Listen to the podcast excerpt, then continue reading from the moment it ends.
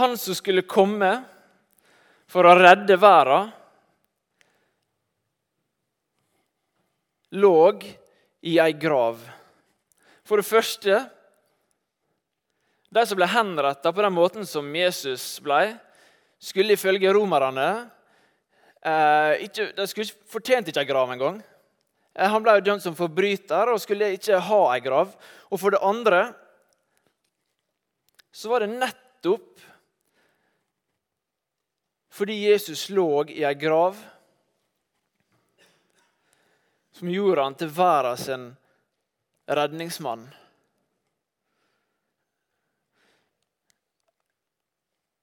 Disiplene, eller lærlingene, som egentlig er et bedre norsk beskrivende ord for eh, den gjengen Jesus sine lærlinger, hva tenkte de den dagen Jesus lå i ei grav?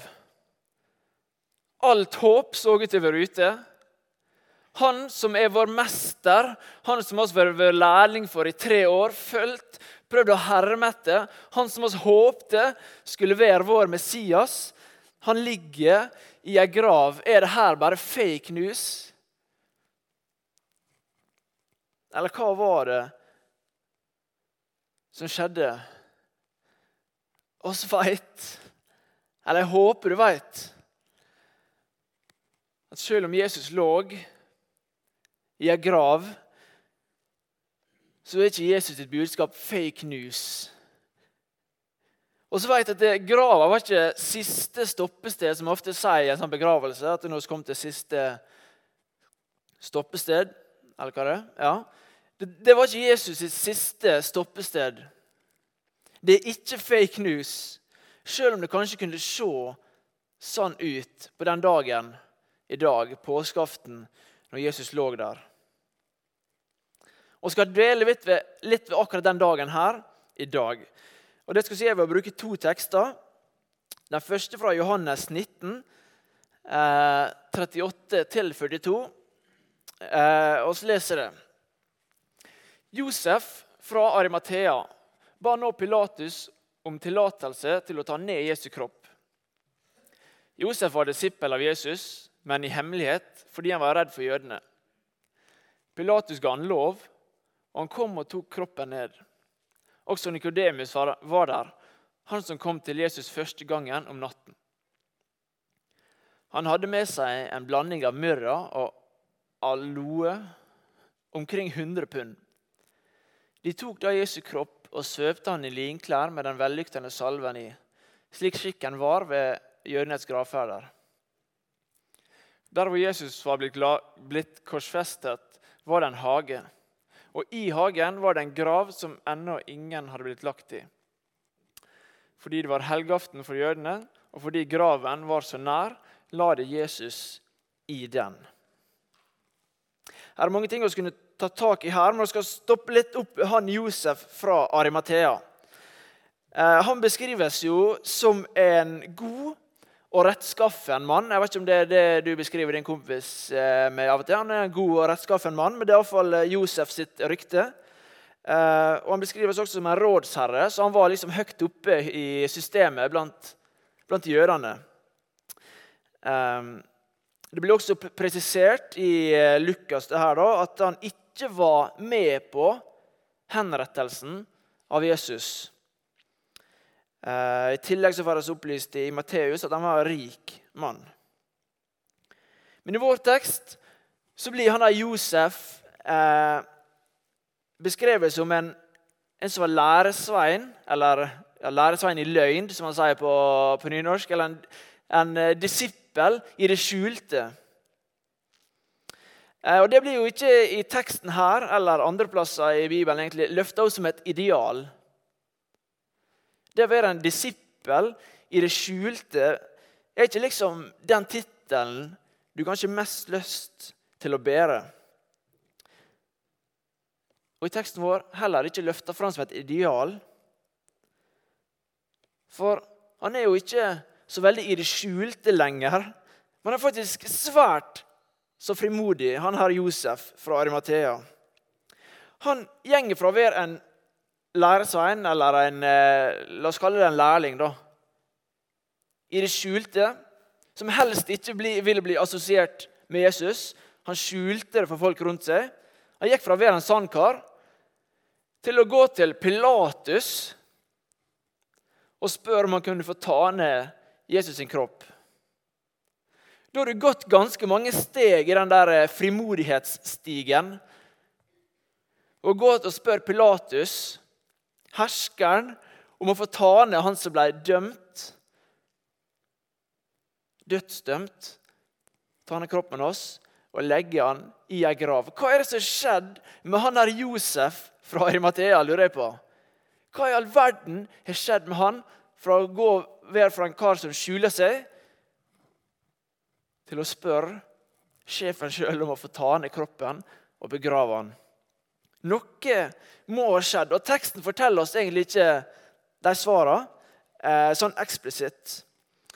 Eh, men det måtte ha skjedd en radikal forvandling i hans liv. Det er litt som om jeg vet det er dårlig sammenligning, men jeg syns alltid det er gøy å trekke litt sånn dårlige sammenligninger. Men det er litt som om jeg skulle være liksom flau over mine fotballferdigheter. Og i neste øyeblikk ta opp liksom telefonen og ringe solskjermen. Hei, kan jeg komme på prøvespilling med dere? Yes, det var like dårlig, uh, like dårlig sammenligning som jeg tenkte det var. Men liksom, i hvert fall mange steg i den frimodighetsstigen. Det er det jeg prøver å si. Jesu død den satte ikke en stopper for Josef sin frimodighet. Heller tvert imot, ser det ut som. Kanskje skjønte Josef hvem Jesus var når han så alle tegna som skjedde ved Jesu død. Forhenget i tempelet det revna i to. Det ble mørkt, veldig mørkt i landet i flere timer. Det var jordskjelv, klippene brast, det var masse ting som skjedde når Jesus hang der på korset og døde. Og Til og med soldatene, som var liksom den nærmeste øyevitna, måtte erkjenne oi, kanskje var han den han sa han var.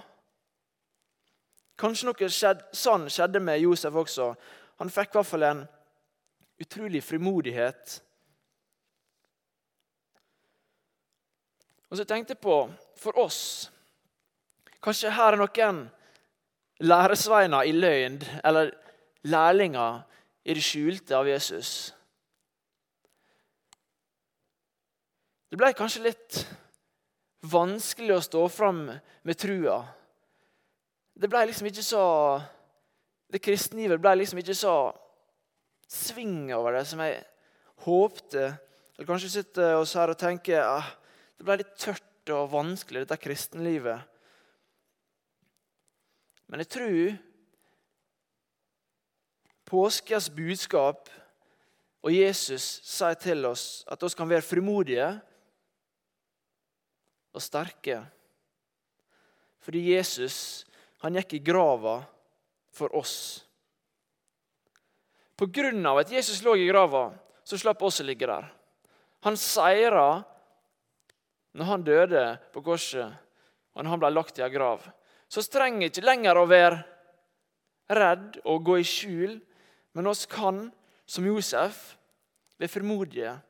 Så jeg bare så for meg etter påske så kan du gå på skole, eller du kan gå på jobb, eller hva det er du gjør på dagtid. Og Når du får spørsmål ja, hva skjedde med deg i påska, da? Hva har du gjort på i påska? Så kan du frimodig svare jeg feirer at Gud ofra seg og gikk i grava for meg, sånn at jeg kan kjenne Gud. Påska, påska sitt budskap det kan gi oss frimodighet og styrke til å stå fram som en disippel av Jesus. Eh, og Det er ikke fordi jeg sier det, eller for noen herfra senere sier det, men det er fordi Jesus sjøl sier det. Se, jeg er med dere alle dager, helt til enden av jorda. Og jeg vil ikke la dere være igjen som foreldreløse barn. Jeg kommer til dere. Det er det Jesus, han som ofrer seg for oss, som sier, 'Se, jeg er med dere.' Dere er ikke som foreldreløse barn. Jeg kommer til dere.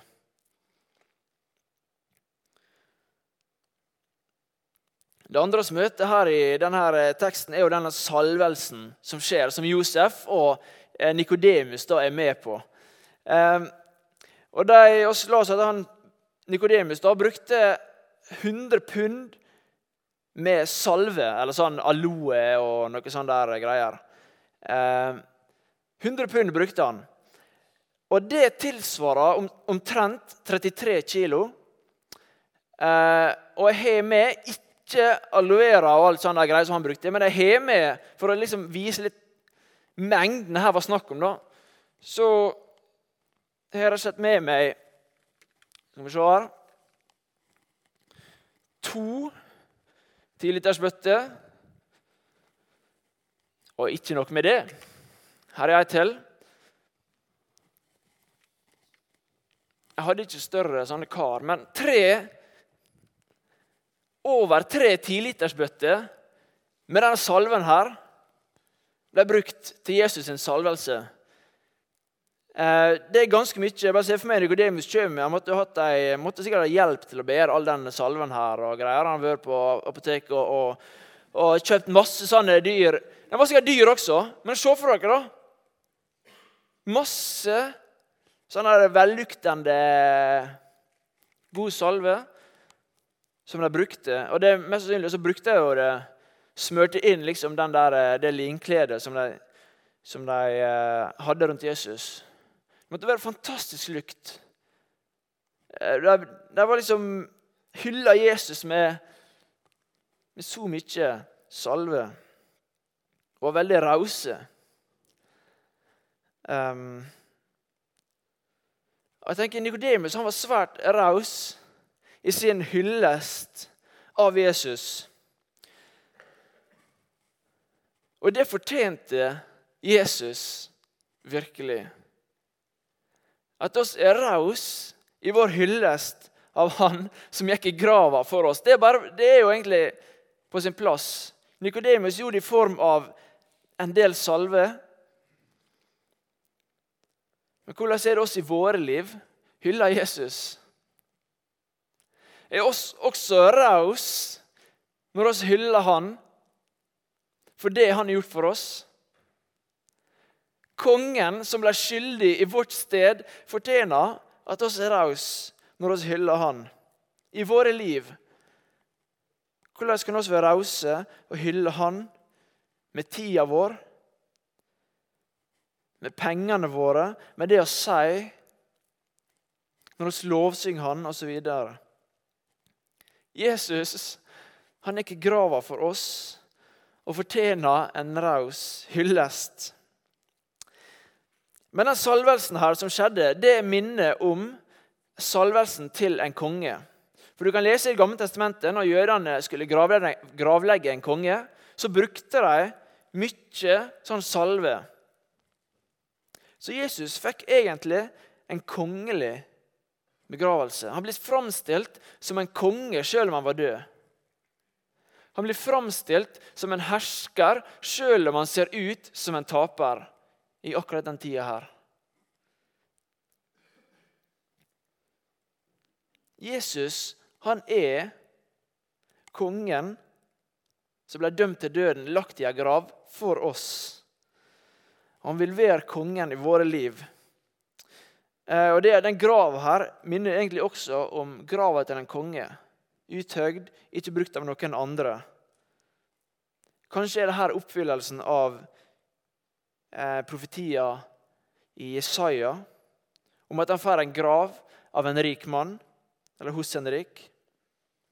Uansett Johannes vil vise at det var noen som hylla Jesus som en konge, selv om han så ut som en taper og ble lagt i en grav. For de skjønte hvorfor det skjedde. Han ble lagt i grava for oss. Han var det lammet som bar verdens skyld. Han tok på seg all skyld og ble lagt i ei grav og ble skyldig i vårt sted. Det er den kongen jeg feirer den påska her. Det er den kongen jeg tror på, og det er den kongen jeg ønsker å være raus med i mitt liv. Som du håper du vil, raus, vil være raus med i ditt liv, Men først av alt det han gjorde for deg,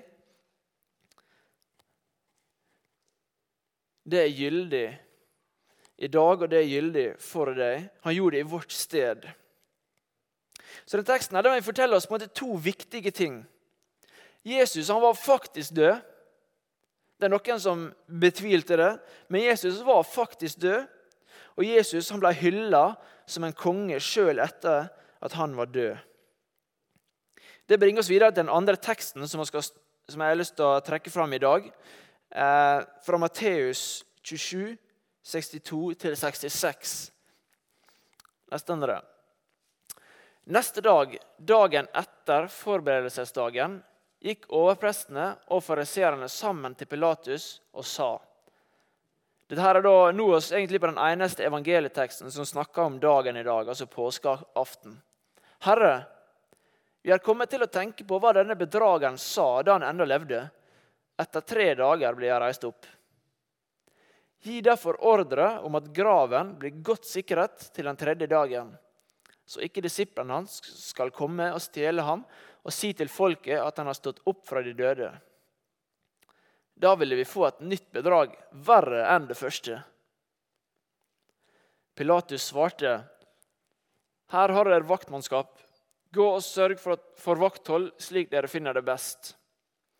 Da gikk de av sted og sikret graven, både med segl som de satte på steinen, og med vaktmannskap. Det er altså øversteprestene og fariserene tenkte på det Jesus sa. Etter tre dager så blir jeg reist opp. Ehm, det ser egentlig ikke ut som at de trodde på det. Fordi de var mest redd for rykter som skulle spre seg hvis han ikke skulle være i grava der. Ehm, men enten altså de, hadde, de fariserene her og øverste øversteprestene de hadde på en måte tre eh, valgalternativ da, i forhold til det sitatet. Etter tre dager blir de reist opp, som Jesus sa. Og På engelsk så kaller de for liar, altså de tre alternativer de hadde. Enten så var Jesus liar, lunatic or lord. Det høres alltid så bra ut på engelsk. Når jeg skulle sette det på norsk, så ble det ikke helt likt. Derfor måtte jeg legge til en G. Det er gløgner, gal eller Gud. Men det er poenget altså løgner, gal eller Gud, og så blir det litt sånn kruklete på norsk, men for å få litt sånn schwung over det tre G. Ja, gløgner, gal eller Gud. Det samme valget står vi oss også overfor. Jesus sa etter tre dager så ble jeg reist opp. Enten så må jo Gud være en løgner, eller Jesus. Enten er han en løgner. Han sa jeg stender på tre dager. Det er bare løgn. Håper dere tror på det. Men det er bare spinn, eh, hele greia. Eller så må han være gal. Han sa ting som han ikke skjønte. Eller så var han faktisk Gud. Jeg møter av og til folk, og det synes jeg er litt forunderlig. egentlig. Jeg møter folk som sier ja, Jesus var jo en bra mann. Han lærte oss en del om moral. Han gjorde masse godt. Eh, han var, virka som en flink læremester. Så han kan, han kan dere lære litt av. Men det er veldig egentlig merkelig ting å si og noen som sier at han skulle reise opp fra de døde. Enten så måtte Jesus være gal eller løgner, eller så var han den han sa. Gud, som kom for å frelse verden. Og Det valget står du også overfor i dag. Og Det er et valg vi eh, må ta. At Jesus blir en sånn kosefigur som man skal ha på T-skjorta. Liksom. Det er ikke noe galt med å ha Jesus på T-skjorta. Men eh, enten så Så blir han en sånn kosefigur og, og Ja, en kul greie. Men det er veldig rar ting, egentlig. Du må ta et valg i forhold til hvem du tror Jesus er. Eh, jeg har satt livet mitt på han er den han sier han er. At han er Gud, og at det var faktisk han ble reist opp på den tredje dagen. Um, og det valget står oss alle overfor. Jeg håper du har lyst å sette livet ditt og stole på det han gjorde for deg i påska. Um, og det håper jeg fordi jeg vet Gud håper det samme. Gud ønsker at du skal tro på Han. Gud ønsker så inderlig at du skal tro på Han, at Han ofra sin egen sønn og han bli, lot han bli korsfesta og begrava, sånn at du skal få kjenne Han. Og Det er det påska handler om, at du kan få kjenne Gud. Han er sann, han er ekte, og han er en god og kjærlig Gud som ønsker fellesskap med oss mennesker. Og det er tilgjengelig for oss i dag. Gud er tilgjengelig for oss i dag på grunn av påskens budskap. På grunn av at vi hadde en konge, vi har en konge som steg ned fra sin trone. Som fornedra seg sjøl helt til døden. Han ble lagt i ei grav, sånn at vi skal få kjenne Gud. Det er et fantastisk budskap. Jeg håper du får erfare det, jeg håper du får smake det. Og hvis du har fått det, hyll han i livet ditt, og la andre få se hvem han er. Vær med å peke på den kongen som ble lagt i ei grav istedenfor oss. For Gud ønsker det så inderlig. Eller så hadde ikke han latt sønnen sin bli lagt i ei grav. Hvis ikke Gud ønska å ha fellesskap med oss, så hadde han aldri lagt sin egen sønn i ei grav. Og så er i den teksten her at eh, de prøvde å sikre grava, sånn at rykter ikke skulle spre seg om at eh, disiplene hadde tatt han, eller hva det skulle være. Og Det er litt ironisk, som om et eh, romersk vaktmannskap eller Pilatus sitt segl kan stoppe verdens frelser. Kan hindre at han blir reist opp igjen. Ingenting kan hindre kongenes konge eller den allmektige Gud og bli reist opp igjen. På samme måte er det i dag også mange som vil prøve å stoppe Jesus, sperre han inne. Men det trenger ikke å ta formodigheten vekk ifra oss. Selv om ting kan gå litt imot oss, så vet vi at da er på den sterke side. Ingenting kan stoppe kongenes konge. Når Gud vil noe, så det er ingenting som kan stoppe det. Dette var noe Gud ville. Da kan ikke verken vaktmannskap eller segl eller eh, Nato stoppe det. Gud er allmektig. Så Jesus han tok ikke plassen vår bare på korset, men han tok plassen vår i grava. Jesus smakte døden for oss. Og Det som kanskje gir mest inntrykk Når Jesus lå der i grava da påskeaften, Det så ut som fake news, hele greia. Det så ut som alt håp var ute. Familien hans var ikke der. Vennene hans var ikke der. Og han ble til og med forlatt av sin egen far. Der lå Jesus. Og han lå der sånn at oss skulle slippe å oppleve det samme. Han ble forlatt og gravlagt sånn at oss skal slippe det. Ja, oss blir kanskje her på jorda lagt i ei grav, men oss vet at for oss så er døden bare vinning. Det er ikke der, det er ikke vårt siste hvilested for oss som setter vår tillit til Jesus. Så Jesus ble lagt der sånn at oss ikke skulle trenge å bli det. Og Det er et fantastisk budskap.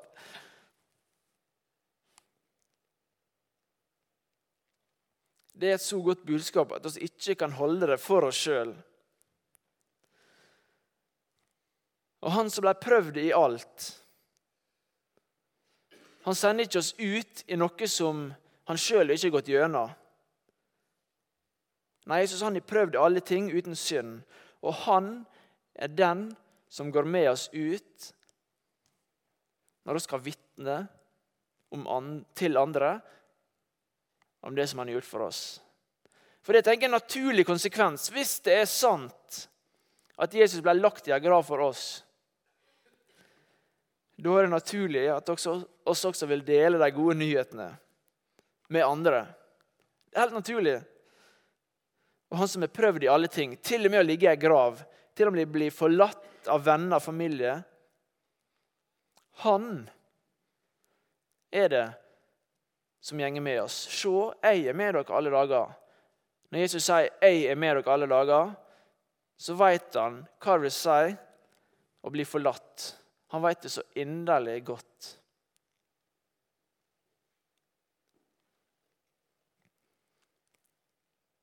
Så når du kanskje tjener Gud i det skjulte Når du gjenger gjennom ting som føler ingen forstår Det kan gå år, og ting kan kanskje føle deg, du kan føle deg ensom eller forlatt.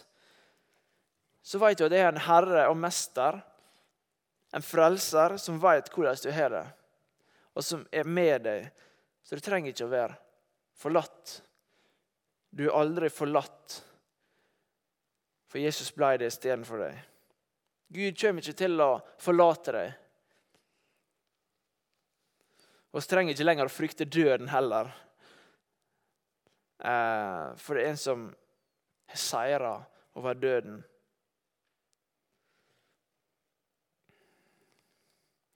Så derfor Jesus, han er vårt påskelam som ble slakta. Det er ganske brutalt å bli slakta. Jeg har vært med å slakte lam før, og det er ganske brutale greier.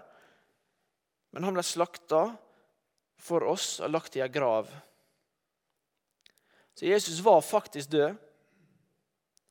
Og han ble hylla som en konge ved si gravferd. Og han er vårt påskelam. Den som ble slakta istedenfor oss. Som lå i grava istedenfor oss. Og det er et gledens budskap. Selv om i dag så er kanskje dagen for stillhet, meditasjon. Tenk over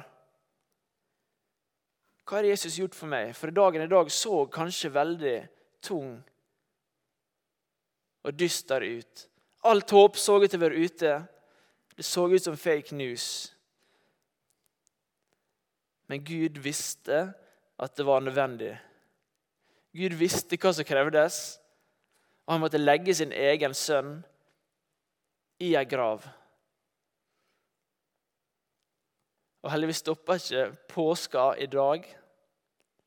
Jeg skal ikke spoile resten av den møteserien, her, men jeg har en anelse om folk vet hva som skjer. Men oss er med også i dag på å feire fantastisk budskap for vår konge.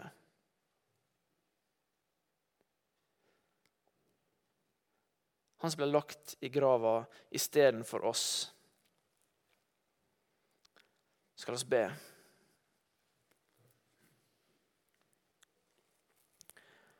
Kjære gode far. Gode Jesus, takk for at du gikk i grava for oss. Du ble forlatt av din egen far for oss, sånn at vi kan kjenne deg. Takk, Gud, for at du er en sann Gud som elsker oss og setter alt på spill for å redde oss. Takk, gode, gode Gud, for at du ser til oss. Og du har sånn en kjærlighet til mennesket at du ofrer deg sjøl. Og gikk gjennom de tingene her, sånn at oss skal få slippe det. Så ber jeg for, for oss som sitter her. La budskapet om deg nå inn til hver og en her. La oss få kjenne at du er nær.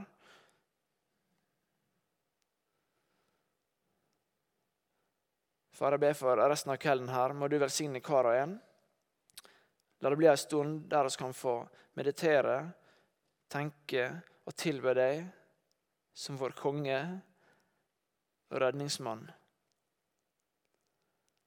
I ditt navn, Jesus. Amen.